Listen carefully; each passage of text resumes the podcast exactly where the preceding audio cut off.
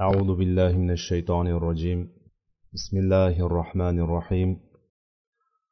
إن الحمد لله نحمده ونستعينه ونستغفره ونعوذ بالله من شرور أنفسنا ومن سيئات أعمالنا. من يهده الله فلا مضل له ومن يضلل فلا هادي له. وأشهد أن لا إله إلا الله وحده لا شريك له. وأشهد أن محمدا عبده ورسوله. Ammo ba'd.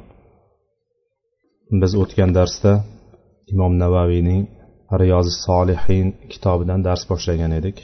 Allohga hamdu sanolar payg'ambarimiz sollallohu alayhi vasallamga saloti durudlar bo'lsin.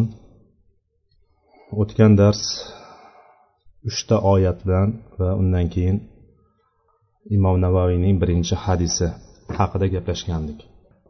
Birinchi hadis bu niyat hadisi deb tanilgan va umar roziyallohu anhudan keyin rivoyat qilingan hadis edi. O'sha hadisda ba'zi bir bo'limlari qolgandi. O'sha bo'limlardan boshlab bugun davom etamiz inshaalloh. Biz yana bir eslatib o'taman. Bu hadislarni islomdagi o'rnini hammamiz juda yaxshi bilamiz. Yana bir eslatib o'tishni lozim deb bilamanki bizda shariatda ya'ni dinimizda eng asosiy oladigan joyimiz va biron bir ixtilof chiqqan paytda qaytadigan joyimiz mana shu ikkita manba. Birinchisi qur'on bo'lsa ikkinchisi sunnat hadislardir. Ya'ni biz o'zimizcha bir narsani bu bo'ladi bu bo'lmaydi deya olmaymiz.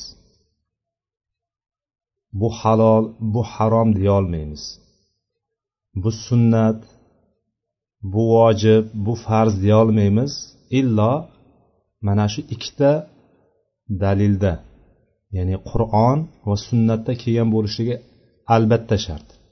O'sha ikkalasida bo'lmaydigan bo'lsa biz ayta olmaymiz. Aytishga haqqimiz yo'q. Chunki biz mana shularni asosida dinimizni quramiz mana shuni asosida hayotimizni quramiz. Hadisdan bir narsa aytilgan paytda sahih hadis keldi buning dalolati mana shunga dalolat qildi ma'nosi shunday olimlar shunday degandan keyin bir kishi agar bunga unamaydigan bo'lsa unga fitna yetib qolishlikdan qo'rqishligi kerak. Fitna yetib qolishligi yoki alamlantiruvchi azob yetib qolishidan qo'rqish kerak oyatda kelgani bo'yicha. Fitnani olimlar shirk fitnasi deganlar bor kufr fitnasi deganlar bor nifoq fitnasi deganlar bor. Endi o'shalardan o'rta gapirgani kufrga ketib qolishlik ehtimoli bor deganlar bor.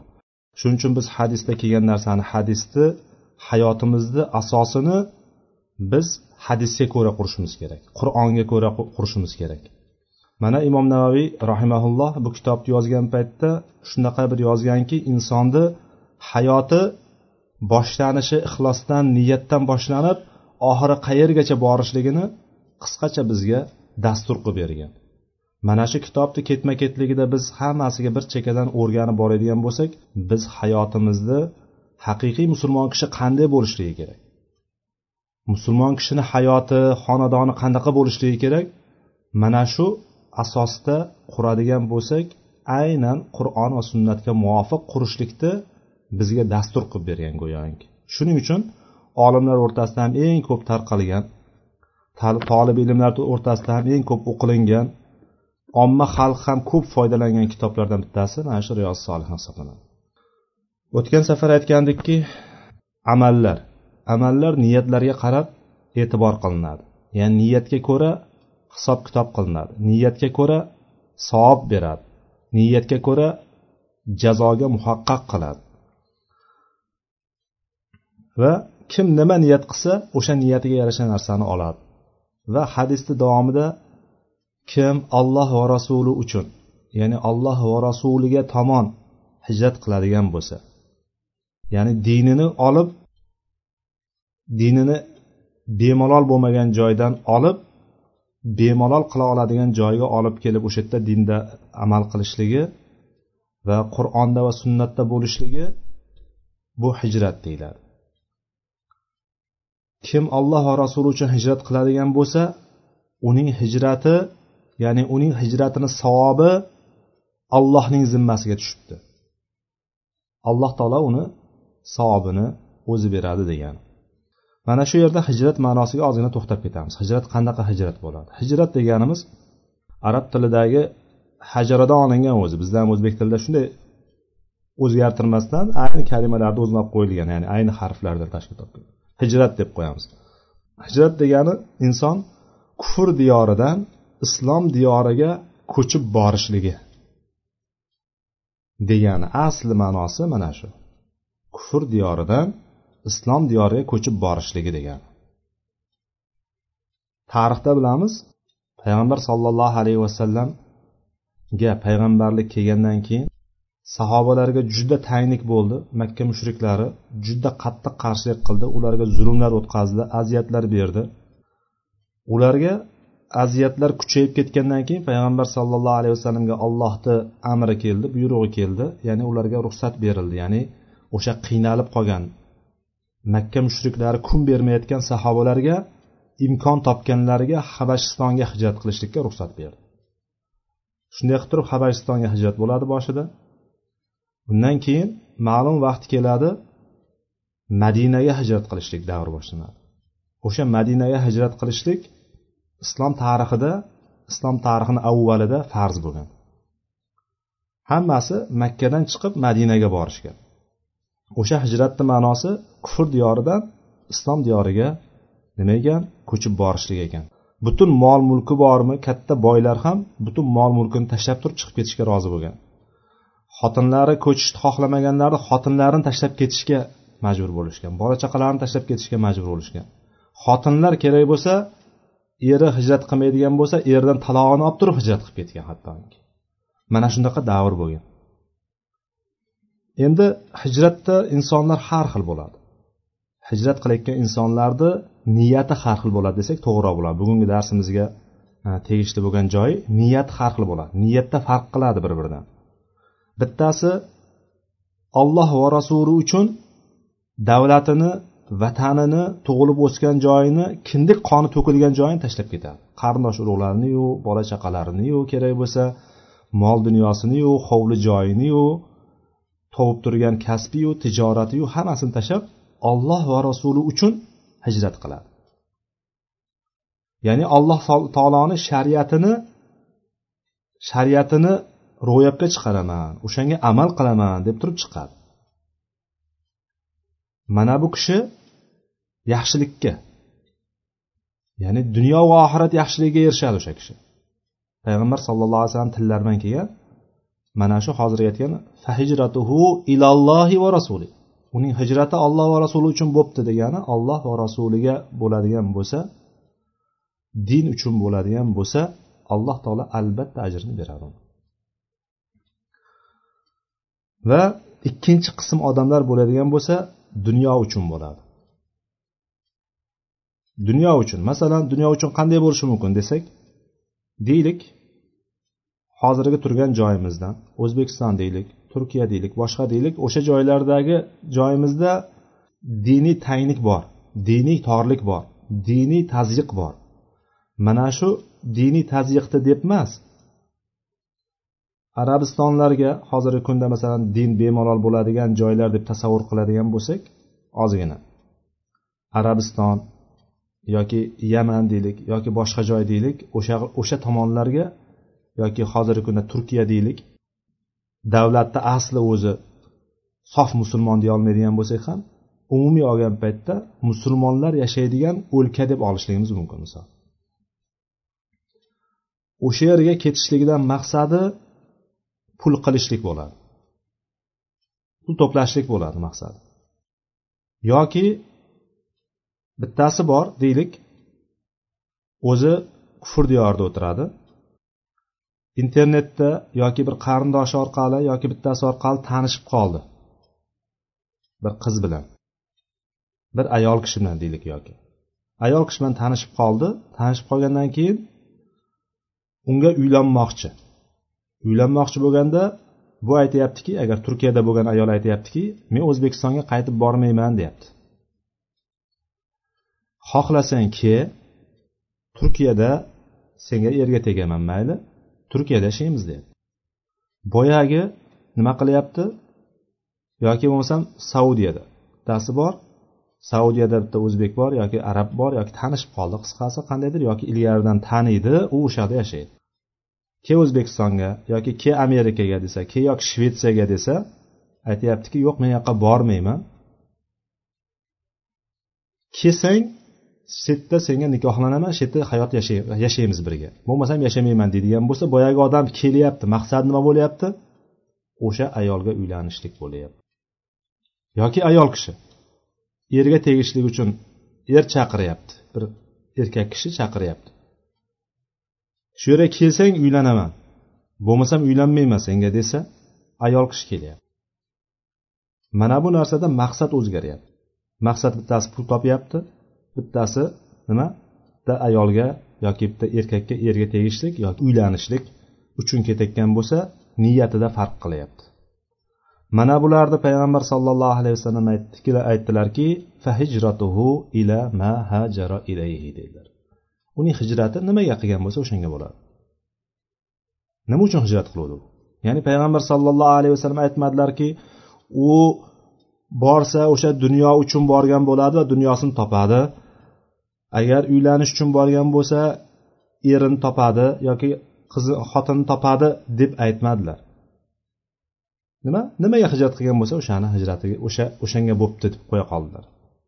Olimlar unga har xil fikr aytishgan shu gapiga ham payg'ambar sallallohu alayhi vasallam. Nima uchun payg'ambar sallallohu alayhi vasallam narigisida fahijratuhu ilallohi va rasuli deb hijrati uning hijrati olloh va rasuli uchun bo'libdi deb aytdida bularga bo'lsa dunyo uchun chiqqan yoki uylanishlik uchun chiqqan yerga tegishlik uchun chiqqanlarga nima uchun chiqqan bo'lsa o'shanga bo'libdi deb qo'ya qoldilar dedi. Shunda ba'zi olimlar gapni uzaytirib yubormaslik uchun degan bo'lsa ba'zilar shunchalik bir ahamiyatsiz bir haqir past narsalarki tilga olishga ham arzimaydigan narsalar deb aytdi. Ya'ni haqiqatda ikkinchi ma'nosi ham juda bir quvvatli ma'noki alloh taolo agar bizni iymonlarimiz bo'lmaydigan bo'lsa qora pashshachalik ham qadrimiz yo'q biz. Ya'ni shunchalik darajada alloh taoloni nazarida biz yo'q odam hisoblanamiz yani. Bizni e'tiborli qilib turgan narsa iymonimiz. Alloh taolo aytadiki qul ya'bau bikum robbi lavla duaakum deydi ya'ni olloh aytingki ey muhammad sallallohu alayhi vasallam ular nima? Robbim sizlarga e'tibor bermaydi sizlarga umuman ahamiyat ham bermaydi magaram bitta narsa sababli. Lavla duaakum ya'ni sizlarning iymonlaringiz bo'lmasa alloh taolo sizlarga qayrilib ham qaramaydi alloh taolo sizlarga e'tibor ham bermaydi degan. Demak alloh subhana taolo bizni niyatlarimizni to'g'irlaydigan to'g'ri hijrat qiladiganlardan qilsin va endi to'xtalib o'tadigan narsamiz hijratni qismlari. Hijrat bir nechta qismga bo'linib ketar ekan. Hijratning qismlari degan paytimizda hijratning turlari. Nimadan hijrat qilish mumkin? Ho'p biz hozir hijrat tushundik. Eng katta hijrat deb nimani aytdik? Kufr diyoridan islom diyoriga hijrat qilib borishlikni aytdik. Endi hijrat turlari bir amalni tark qilishlik ham hijrat. Mana birinchisi amalni tark qilishlik. Ikkinchisi amal qiluvchini tark qilishlik. Bir kishini tark qilishlik insonni tark qilishlik ya'ni.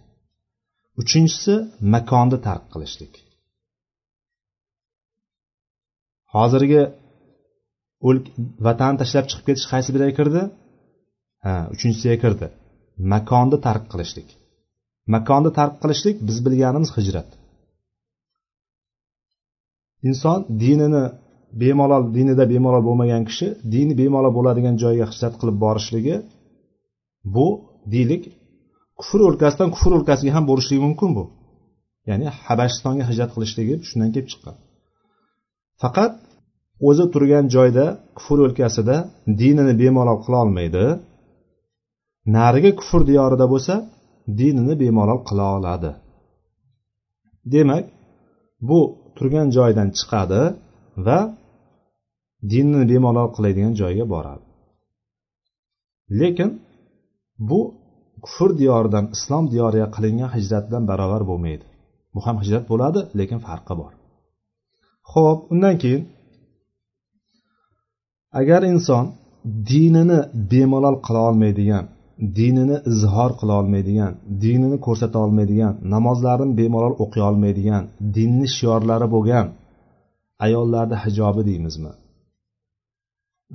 Yoki shunga o'xshagan dinni asli shiori bo'lgan farz amallarni qila olmaydigan kishi uchun o'sha turgan joyini tark qilishligi farz hisoblanadi. Farz. Ana endi bemalol qila oladi. Dinini bemalol qila oladiyu lekin turgan joyi hamma tomon fasod bosib yotibdi buzg'unchilik bosib yotibdi. Hamma tomon buzilib yotibdi kufr oshkora bo'lib yotibdi. U joydan hijrat qilishlik olimlar aytadiki bu mustahab deydi ya'ni sunnat deydi. Endi o'zi islom diyorida turadi. O'zi islom diyorida turadiyu lekin kufr diyoriga qarab ketishni xohlayapti. Nima uchun? Ko'pincha mol dunyo topish uchun. Nauzubillah ikkinchi ko'rinishi to'qlik to'qlikka sho'xlik deydiyu hamma narsa yetarli. Islom bemalol dini bemalol puli bemalol. Bular nima? Buzg'unchilik qilish uchun boshqa diyorlarga hijrat qilishni xohlaydi. Buzg'unchilik qilishlik uchun. Bu ko'p eshitamiz. Ramazon oylarida safarga boshqa kufr diyorlariga safarga ketadigan odamlar bor. O'zlarini diyorlarida chunki bemalol yurolmaydi.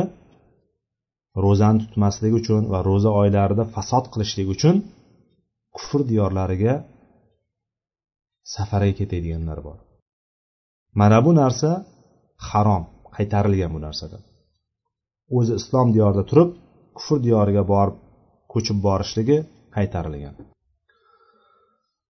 Shundan olimlar mana ibn usaymiy rahimaulloh aytadilarki endi bu kishi sal qattiqroq olgan bu narsani bu masalani qattiqroq olganini ba'zi bir sabablari ham bor. O'sha sabablarga ko'ra o'zi ko'ralgan joyigacha ko'rgan bu kishi bizga ham asr bo'lgan asrdoshimiz bo'lgan zamondoshimiz bo'lgan kishi bu kishi olamdan o'tib ketdilar. Alloh rahmat qilsin. Bu kishi ya'ni bu asrga o'tmadi ya'ni ikki minginchi yilga o'tmadi.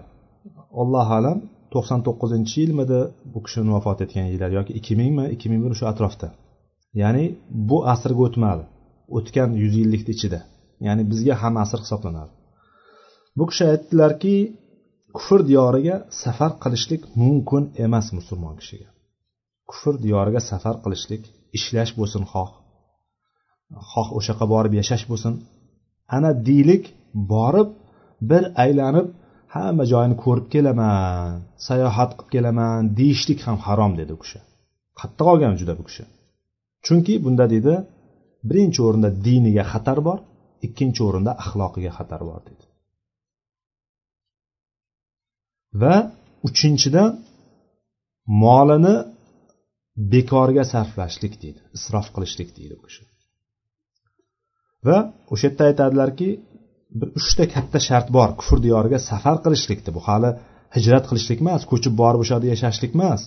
Safar qilishlikni o'zini katta uchta sharti bor. Uchta shart ro'yobga chiqsa uchta shartni o'rniga keltira olsa o'shandagina borish mumkin deydi. Birinchi shartini aytadiki shubhalardan saqlana oladigan ya'ni diniga shubha bo'ladigan narsalardan saqlana oladigan o'shandan to'sa oladigan ilmi bo'lishligi kerak deydi. Birinchisi mana shu ekan. Ikkinchi shartini aytadiki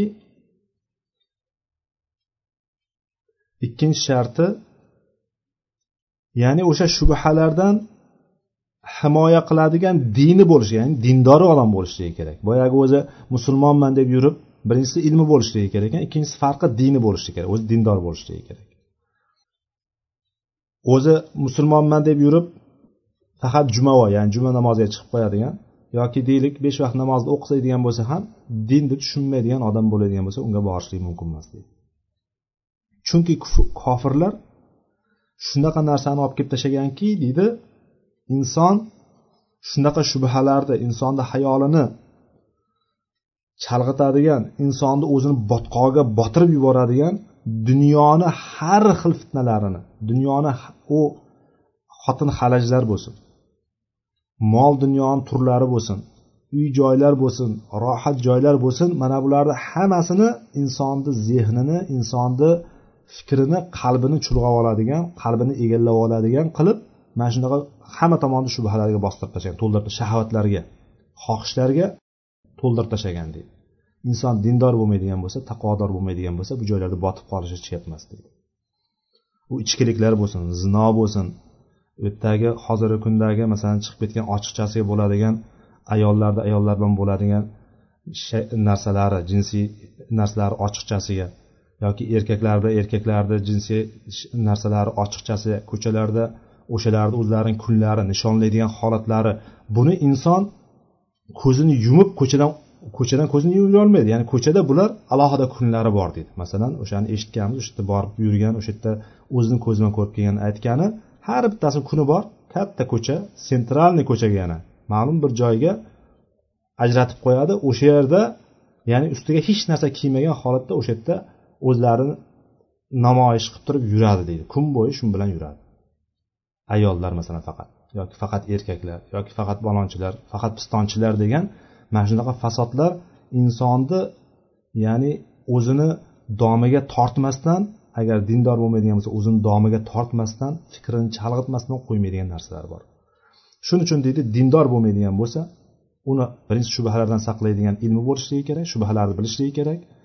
Kofirlar miyalariga tashlaydigan har xil shubhalarni dindagi adashtirishlikka olib keladigan hadislarni adashtirishga olib keladigan qur'onni adashtirishga olib keladigan shubhalarni qur'on ichidagi shubhalarni hadis ichidagi shubhalarni din atrofidagi shubhalarni bilish o'shandan shubhalardan saqlana oladigan ilmi bo'lishligi kerak o'shalarni ajrata olishligi kerak va ikkinchisi dindor bo'lishligi kerakki shahvatlardan ya'ni xohishlardan nafs xohishlaridan saqlaydigan dindor bo'lishligi kerak. Uchinchisi aytadiki ay yakuna muhtajan ila dalik ya'ni o'sha yerga borishlikka majbur bo'lishligi kerak borishlikka majbur bo'lmagan odam borishligi kerak emas. Quruq sayohat qilaman degan odamni bu kishi aytadiki har bir chaqasi uchun qiyomatda albatta javob beradi haromga sarflagan bo'ladi deb turib bu kishi qattiq gapirganlar.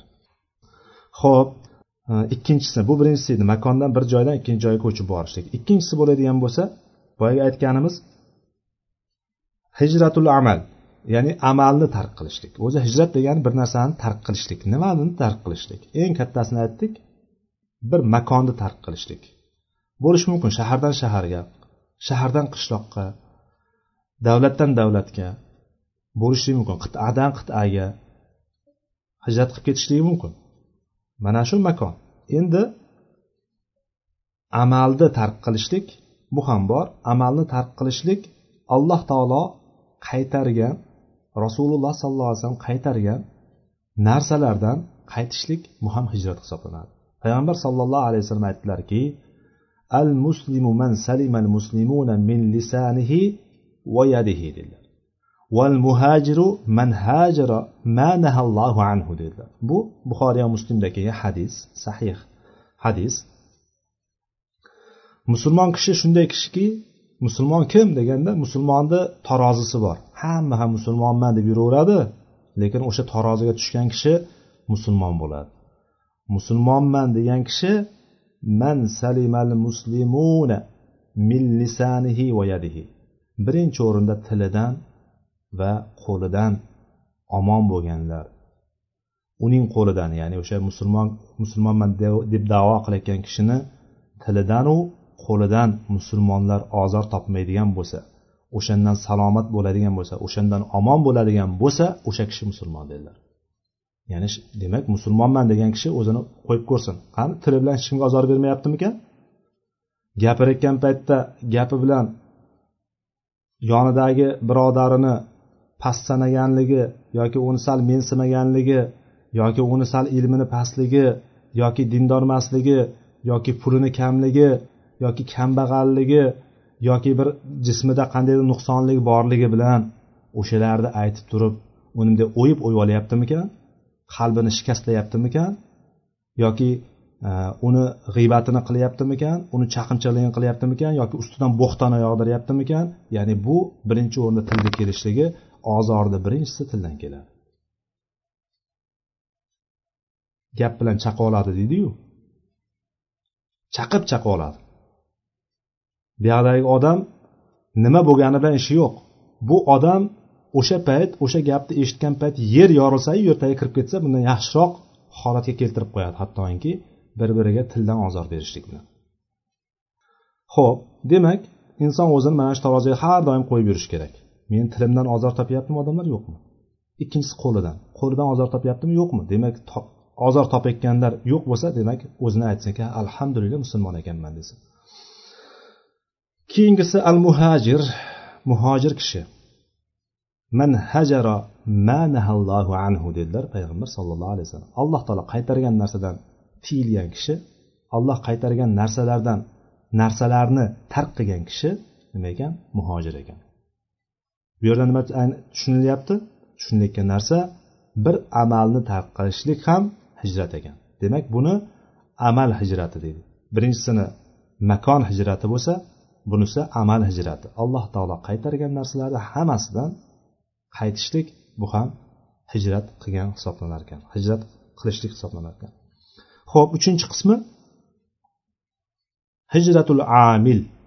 Endi amal qiluvchini tark qilishlik. Amal qiluvchini tark qilishlikka bir go'zal namuna bor. Go'zal namunani men aytamanki e, ayol kishini tarbiyalashlik uchun. Erkak kishi alloh taolo aytadiki agar er o'rtada bir muammo chiqadigan bo'lsa bir kelishmovchilik chiqadigan bo'lsa bir problema chiqadigan bo'lsa erkak bilan ayolni o'rtasida oilada turmushda ayol kishiga erkak kishi birinchi nasihat qiladi chiroyli tushuntiradi go'zal nasihat qiladi. Nasihat kor qilmagandan keyin ta'sir qilmagandan keyin nima qiladi? Uradi. Yo'q urmaydi. Uradimi? Ya'ni nasihat kor qilmaydigan bo'lsa to'shaklarni ajratadi. Vahjuruhun oyatda ulardan uzoqlashinglar ulardan ularni tark qilinglar deb keladi oyatda. Tark qilishlik uydan chiqib ketib qolishlik emas. Yoki bor narigi uyda yot deyishlik emas xotinga. Bitta uyda har doim yotadigan spalniy bo'lsa spalniyda emas xotinni pastga tushirib qo'yadi. Yo bo'lmasam o'zi pastga tushib ketadi ya'ni mana shunaqada to'shakda ajratiladi bitta faqat. To'shakdagina. Lekin kunduzgi muomalalarda farzand tarbiyasiga ta'sir qilmasligi uchun kunduzgi muomalada ayni bo'lishligi kerak. Sharti bor. Dinni qaranglar qanchalik alloh taolo bizga chiroyli qilib ko'rsatib qo'ygan. Kunduzi ham qovoqni solib yoki bir narsa olib kel deb kosada ovqat olib kelgan taq aytib qo'yib ketib qolishlik emas teskari qarab. Kunduzi bolalarni yonida odatiy holat bo'ladi faqat kechqurunda to'shakdagina ajraladi. Mana shu narsani ham hijrat deyiladi. Hajara kalimasidan ishlatgan alloh taolo vahjuruhun ulardan to'shaklarda ajralinglar. Vahjuruhunna fil madojii deydi. Fil madojii degani yotoqlarda ajralinglar degani.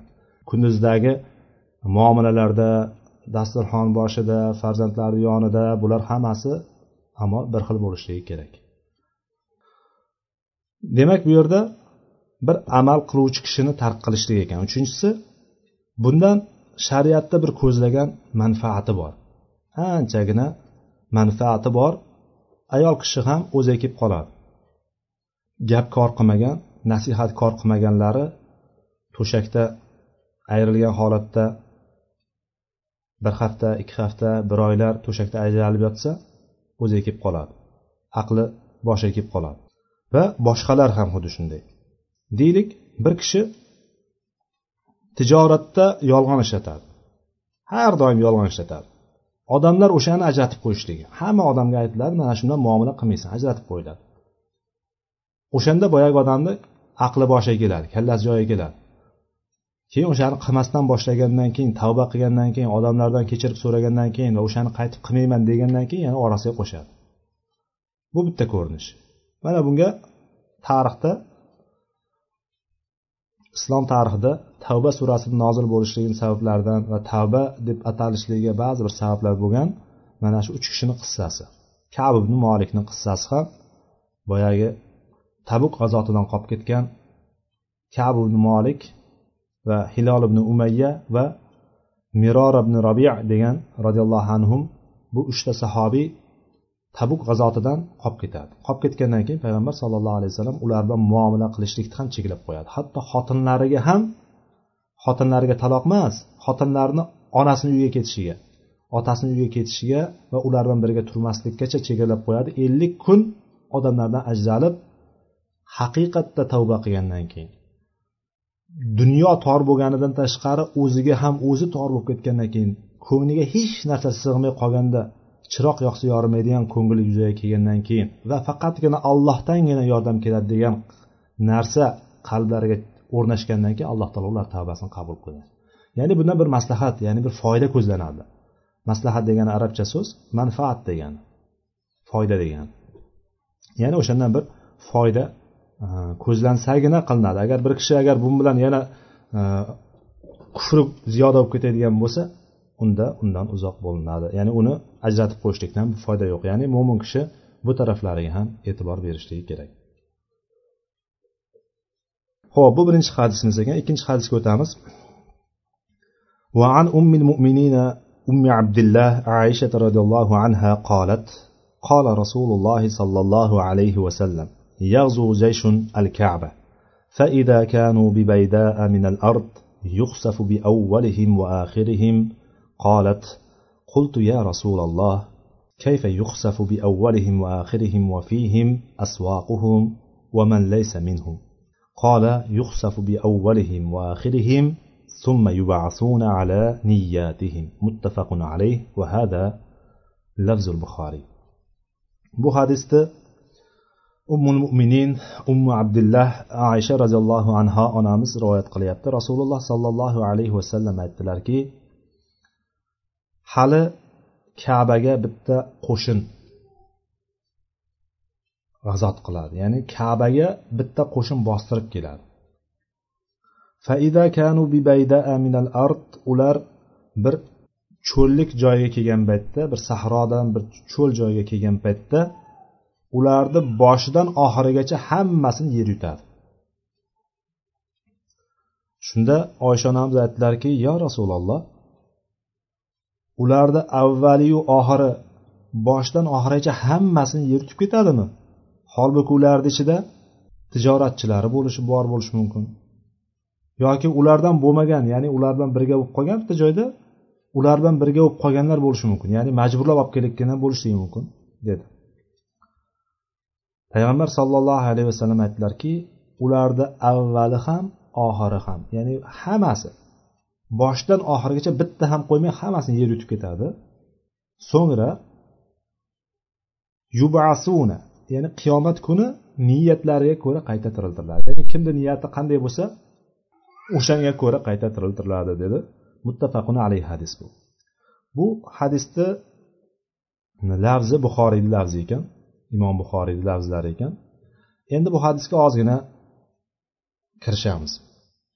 Birinchi o'rinda biz e, hadislarda ya'ni yangi roviylar kelgan paytda roviylarni ham biroz biroz tanishtirib ketsak ya'ni sahobalarni tanishtirib ketsak maqsadga muvofiq bo'ladiki biz sahobalarni tanishlikka va sahobalardan o'rnak olishlikka ancha ma'murmiz o'shanga ancha muhtojmiz. Mana shulardan ozgina ozgina ma'lumot berib ketsak yaxshi bo'ladi.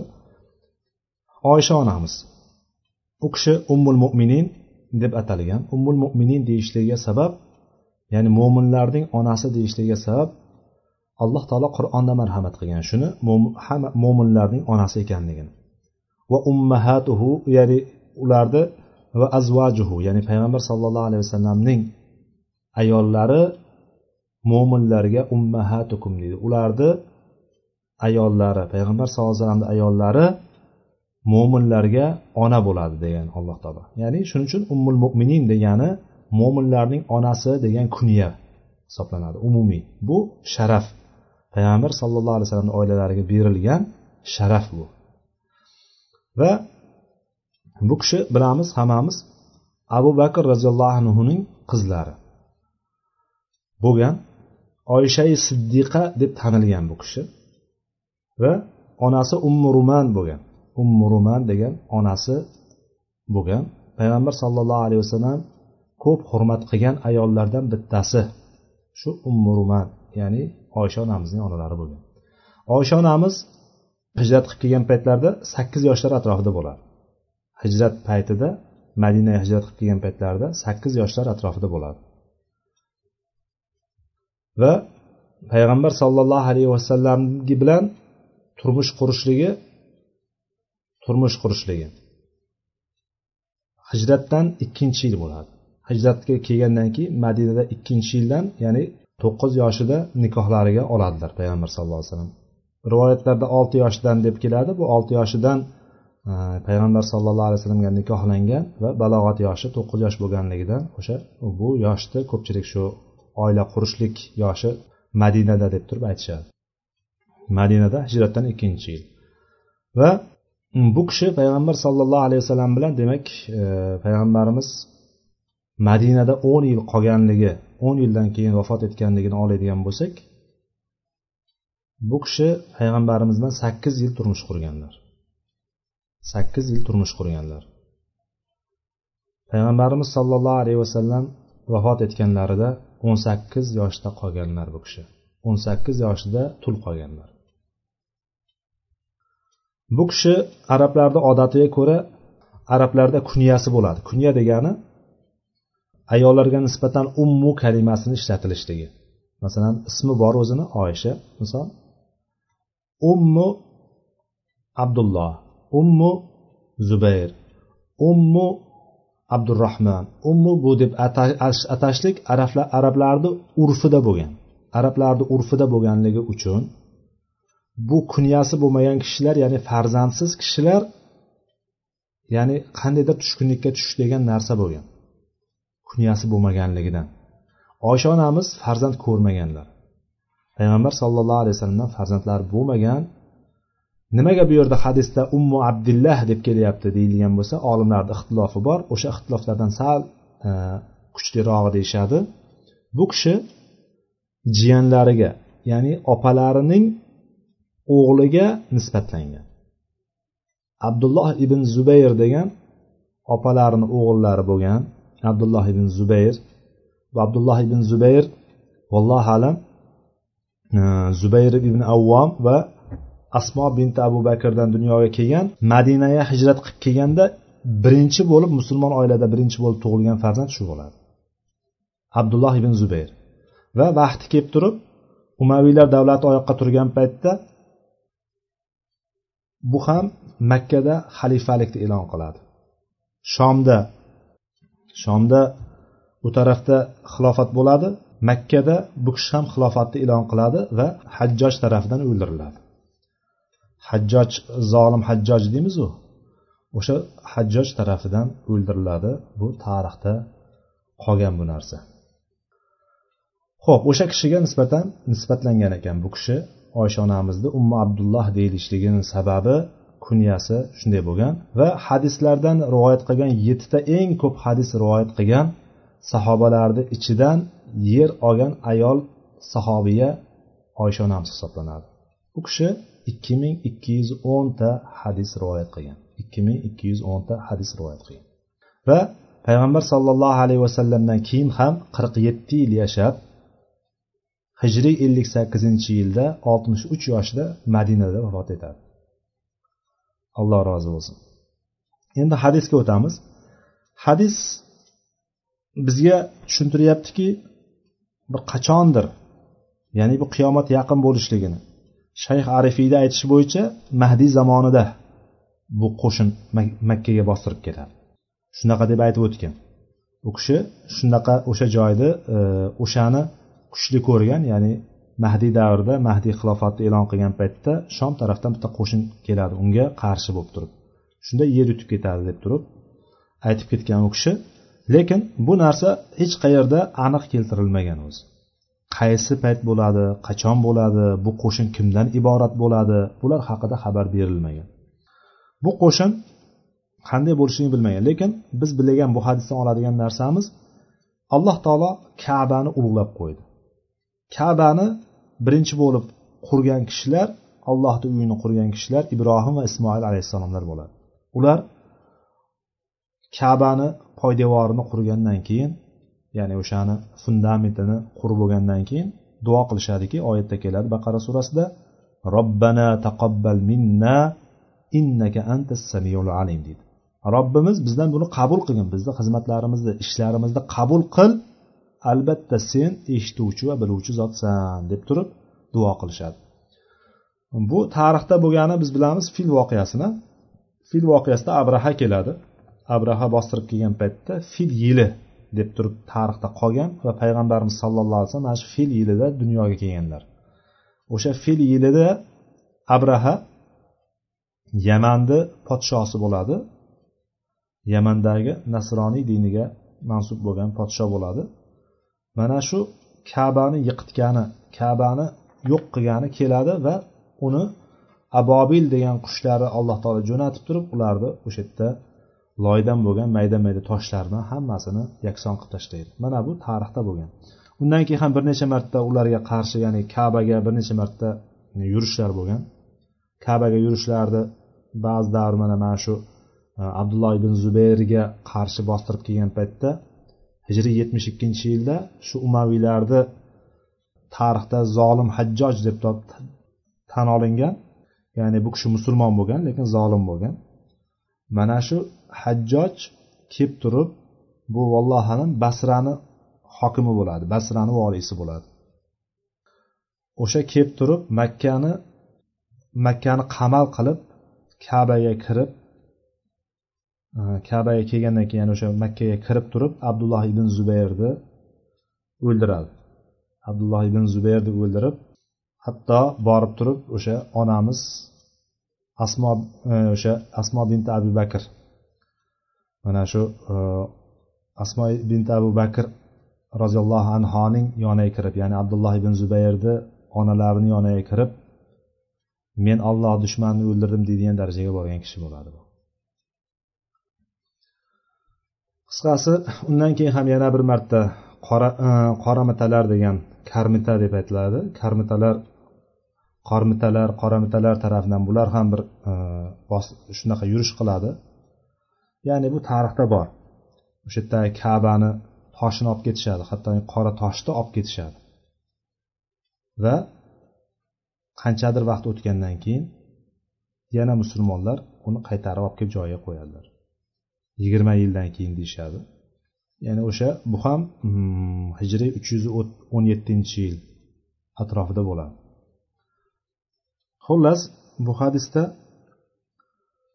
oysha onamiz shunchalik zukko edilarki savol so'radi. Ya'ni buni eshitgan paytda yo rasululloh ular qanday hammasi boshdan oxirigacha hammasini yer yutib ketishi mumkinmi? Ularni ichida boyagi aytgandek tijoratchilari bo'lishligi mumkin.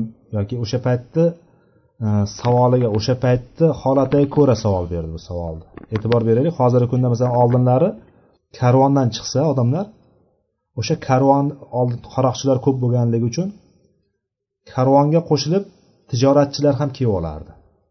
Ya'ni tijoratchilar o'zi yolg'iz chiqmasdi. Qarashardi kim ketayotgan bo'lsa o'sha tarafga u qo'shin bo'lsa yanada ishonchliroq bo'lardi. Yanada himoya qilishligi ya'ni qaroqchilarga e, duch kelmasligi qaroqchilar kelib talamasligiga yanada ishonch komilroq bo'lardi va yanada xotirjamroq bo'lib turib shu qo'shin bilan birga chiqishlik odati bo'lgan. Tijoratchilar bu yerda asvoquhum degani ularni bozorlari bozorchilari degan ma'noda. Arab tilidagi asvoq degani suqdan olingan bozor degani suq degani. Asvoq degani bozorlar degani ya'ni bu yerdan ko'zlangan maqsad bozorchilari tijoratchilari bo'lgan karvon ya'ni shu qo'shin keladi e, degan ma'noda uni ichida borku shunaqalari deb aytadilar oysha onamiz va e, va qo'shin tarkibidan bo'lmagan ya'ni urushchilar bo'lmagan jangchilar bo'lmagan kishilar bo'lishi mumkinku uni ichida. Ya'ni boshqalar ham ziyorat uchun ketayotgan tijoratchidan tashqari borib olaylik shaqa deb turib ketayotganlar. Yoki boyagi aytayotganday majburlab olib chiqib kelinayotganlar bo'lishi mumkin. Ya'ni xohlamasdan iloji yo'q o'ldiraman boshqa qilaman degan ma'no bilan chiqmasang bo'lmaydi degan narsa bilan qo'shib chiqarib kelayotgan odamlar bo'lishligini so'rab oysha onamiz savol berganlarida ha hammasini yer yutadi dedilar payg'ambar sallallohu alayhi vasallam. Boshidan oxirigacha hech qaysi qolmasdan hammasini yer yutadi dedilar.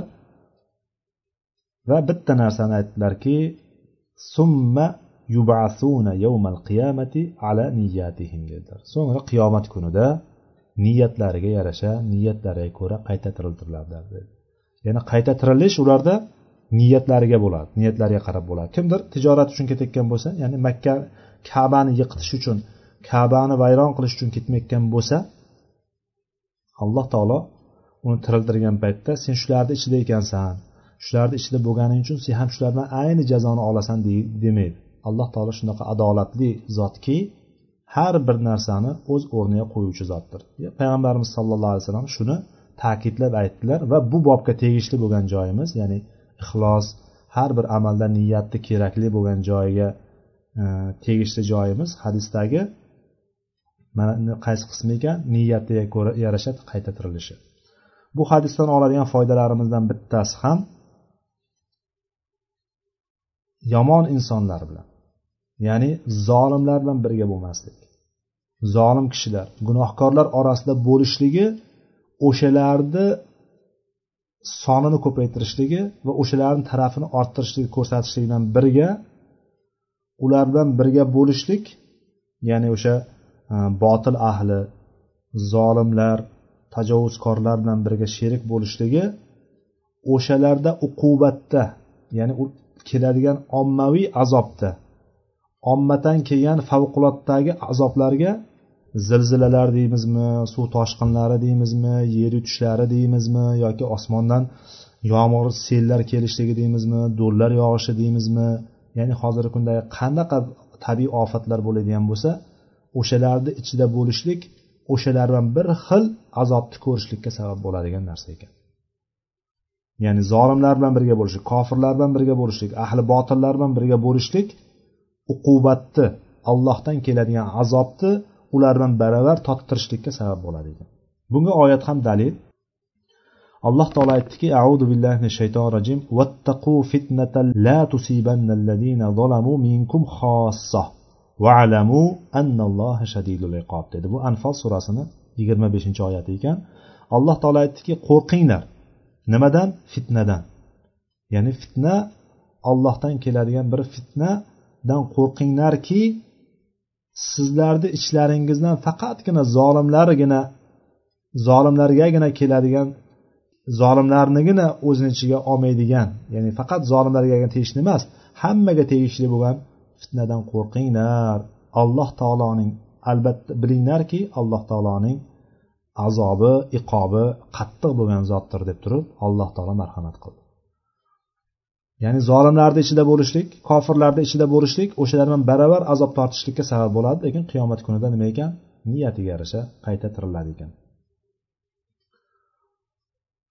uchinchi hadisimiz ana aysha roziyallohu anha qolat قال النبي صلى الله عليه وسلم لا هجرة بعد الفتح ولكن ولكن جهاد ونية وإذا استنفرتم فانفروا متفق عليه حديث ومعناه لا هجرة من, من مكة لأنها صارت دار إسلام oysha roziyallohu anhodan rivoyat qilinyapti yana oysha onamizdan rivoyat qilinyapti bu hadis payg'ambarimiz sollallohu alayhi vasallam aytdilarki fathdan keyin ya'ni makka fath qilinganidan keyin makkadan hijrat qilishlik yo'q dedilar valakin lekin jihod bor va niyat bor Ya'ni jihodga chiqish allohni yo'lida yurishlik niyati bor. Agar sizlarga chiqinglar ya'ni jihodga chiqinglar deyiladigan bo'lsa albatta chiqinglar dedilar payg'ambar sallallohu alayhi vasallam. Muttafaqun alayhi hadis. Ya'ni imom navoiy aytyaptiki buning ma'nosi hadisning ma'nosi makkadan hijrat yo'q. Ya'ni chunki makka fathdan keyin islom diyoriga aylandi deb aytgan ekanlar. Bu yerdagi hadis faqat makkaga tegishli hukmdir. Makkagagina tegishli hukm. Bundan ko'rinadiki makkaning qiyomatgacha yoki olloh xohlaganigacha islomda qolishligi ya'ni u islom diyori bo'lib turishligini payg'ambarimiz sallallohu alayhi vasallam mana shu yerda nima berdilar bashorat berdilar. Chunki qiyomatgacha makkadan makkadan hijrat qilishlik yo'q. Faqatgina nodir suratlarda nima ekan o'shanda ham jihod uchun chiqadigan bo'lsa. Va niyat. Niyatida nima? Allohni yo'lida yurishlik ya'ni jihod qilishlik niyati bilan chiqadigan bo'lsa bunda mumkin ekan bo'lmasa mumkin emas ekan. Hijratni boshqa diyorlarda doimiy qolishligiga payg'ambarimiz sollallohu alayhi vasallamdan kelgan hadis. Bu hadisni abu dovud ahmad o'zining musnatlarida keltirgan. Imom alboniy rahimaulloh buni sahih degan ekanlar. Bu hadis la tanqati'ul hijratu hatta tanqati'at tavba va la tanqati'ut tavbatu hatta takhruja shamsu min maghribiha dedilar. Ya'ni hijrat kesilmaydi hijrat to'xtamaydi tavba to'xtamagunicha tavba ham to'xtamaydi quyosh mag'ribidan ya'ni quyosh botadigan tarafdan chiqib botadigan o'rnidan botadigan tarafdan chiqmagunicha ya'ni qiyomat qoyim bo'lmagunicha tavba ham to'xtamaydi dedilar. Demak qiyomatgacha hijrat ham to'xtamasligiga mana shu hadis dalil hisoblanadi. Makka bir paytlar mushriklarni qo'lida edi. Mushriklarni qo'lida edi va payg'ambarimiz sollallohu alayhi vasallam hijrat qilib ketganlaridan keyin sakkiz yildan keyin ramazon oyida fath bo'lgan. Ya'ni hijriy sakkizinchi yilda ramazon oyida milodiy hisob bo'yicha olti yuz o'ttizinchi yilda fath qilingan. O'sha kundan boshlab turib makkadan keyin hijrat qilishlik bekor qilingan. Chunki u islom diyoriga aylangan. Biz qoidada aytdikki hijrat makonidagi hijrat islom diyoridan kufr diyoriga bo'ladi dedik. Va olimlarni fikri bo'yicha islom diyoridan kufr diyoriga hijrat emas hattoki safarda ham qaytarilgan shartlari bo'lsa safar qilishligi mumkin deb aytilgan. Endi jihod masalasiga kelib qoldik. Mana shu yerda ozgina bir qisqacha ma'lumot berib ketaman. Payg'ambarimiz sallallohu alayhi vasallam aytdilarki agar jihodga chiqinglar degan buyruq bo'lsa chiqinglar dedi. Ya'ni bu buyruq kimdan beriladi? Valiyul amr. Bu musulmonlar amiridan beriladi. Musulmonlar bir joyda jamlanib turgan bo'lsa amirul mo'minin bo'ladigan bo'lsa xilofat bo'ladigan bo'lsa o'sha yerdan buyruq keladigan bo'lsa chiqinglar deydigan bo'lsa hammaga chiqishlik farzi ayn bo'ladi chiqishlik. Ho'p bu birinchisi. Ikkinchi o'rni bo'ladigan bo'lsa davlatni vatanni atrofini dushman kelib turib o'rab oldi. Dushman bostirib kelyapti davlatga. Dushman bostirib kelgan paytda o'shalarga qarshi o'sha yerda dinimni himoya qilaman vatanimni himoya qilaman vatanni himoya qilishligimdan maqsadim o'sha yerda islomni saqlab qolishlik degan niyat bilan davlatni himoya qilishlik vatanni himoya qilishlik farzi ayn bo'ladi. Bu ikkinchi o'rin. Har bir kishi uchun farzi ayn bo'ladi. Ya'ni bir kishi borib bir ikkinchi kishi qoladigan joy emas. Boyagi birinchisi demak xalifa bo'lishligi kerak. Xalifa buyruq beradigan bo'lsa hamma chiqadi. Hammaga farz ayn. Ma'lum bir kishilar quradi bir qishloqdan deylik ellikta oltmishta ayolga qarab tura oladigan yoki yigirmataga qarab tura oladigan bir erkak qoladi. O'sha kishi boshqalarga ta'minotiga kam ko'piga E, og'ir ishlariga yordam berib turadigan erkaklargina qoladi va qariyalargina qoladi va kasallargina qoladi. Bundan tashqari hammani chiqishligi farzayn bo'ladi. Bir kishi ham qolmaydi tashqarida buyoqda ikkinchi o'rin ham demak e, dushman bostirib kelgan paytda hammani chiqishligi farz bo'ladi. Bu narsani himoya qilishlik jihodi deydi. Qital difa deydi. O'zini himoya qilishlik himoyalanishlik jihodi deydi. Va uchinchi o'rin bo'ladigan bo'lsa ikkita saf birlashgan paytda. Ya'ni ikkita saf yonma yon turgan paytda. Kofirlar turibdi qarshisida jang maydoni endi bu jang maydonidagi gap. Kofirlar safini terib turibdi musulmonlar saflanib turibdi. O'sha o'rinda safdan chiqib ketib qolishligi o'sha yerda tarqib ketib qolishligi mumkin emas. Bunga hadis ham bor oyat ham bor. Payg'ambar sallallohu alayhi vasallam yovmal zahf degan o'sha ikkita tomon bir biriga qarama qarshi kelib turgan jang maydonida ketib qoladiganlarni orqaga qaytib ketib qoladiganlarni sabul mubiqot yettita halok qilguvchi katta gunoh kabiralar ichida sanaganlar payg'ambar sallallohu alayhi vasallam. Ya'ni bu kunda ham ketib qolishlik mumkin bo'lmagan bo'ynida farzi ayn bo'lib turgan narsa. Ya'ni qurolni olib turib kofirga qarshi turibdimi ertadan ketishlik mumkin emas orqaga qaytib ketishlik mumkin emas. Undan keyingisi to'rtinchi o'rin farz bo'ladigan to'rtinchi o'rini deylik. Bir kishi bor e, u ilmni biladi qurol ilmini biladi. Hozirgi kundagi zamonaviy qurollar chiqqan bo'ladigan bo'lsa zamonaviy bitta qurol borki musulmonlar o'shani ishlatishga juda muhtoj lekin o'sha qurolni ishlatadigan odam yo'q. Biladigan mutaxassisga yoki biladigan mutaxassislarga yetarlicha bo'lgan mutaxassislarga o'sha yoqqa borishligi farzayn bo'ladi. Mana shu to'rtta o'rin. Bundan tashqari qolgan o'rinlarni hammasi farzi kifoyaga qolaveradi.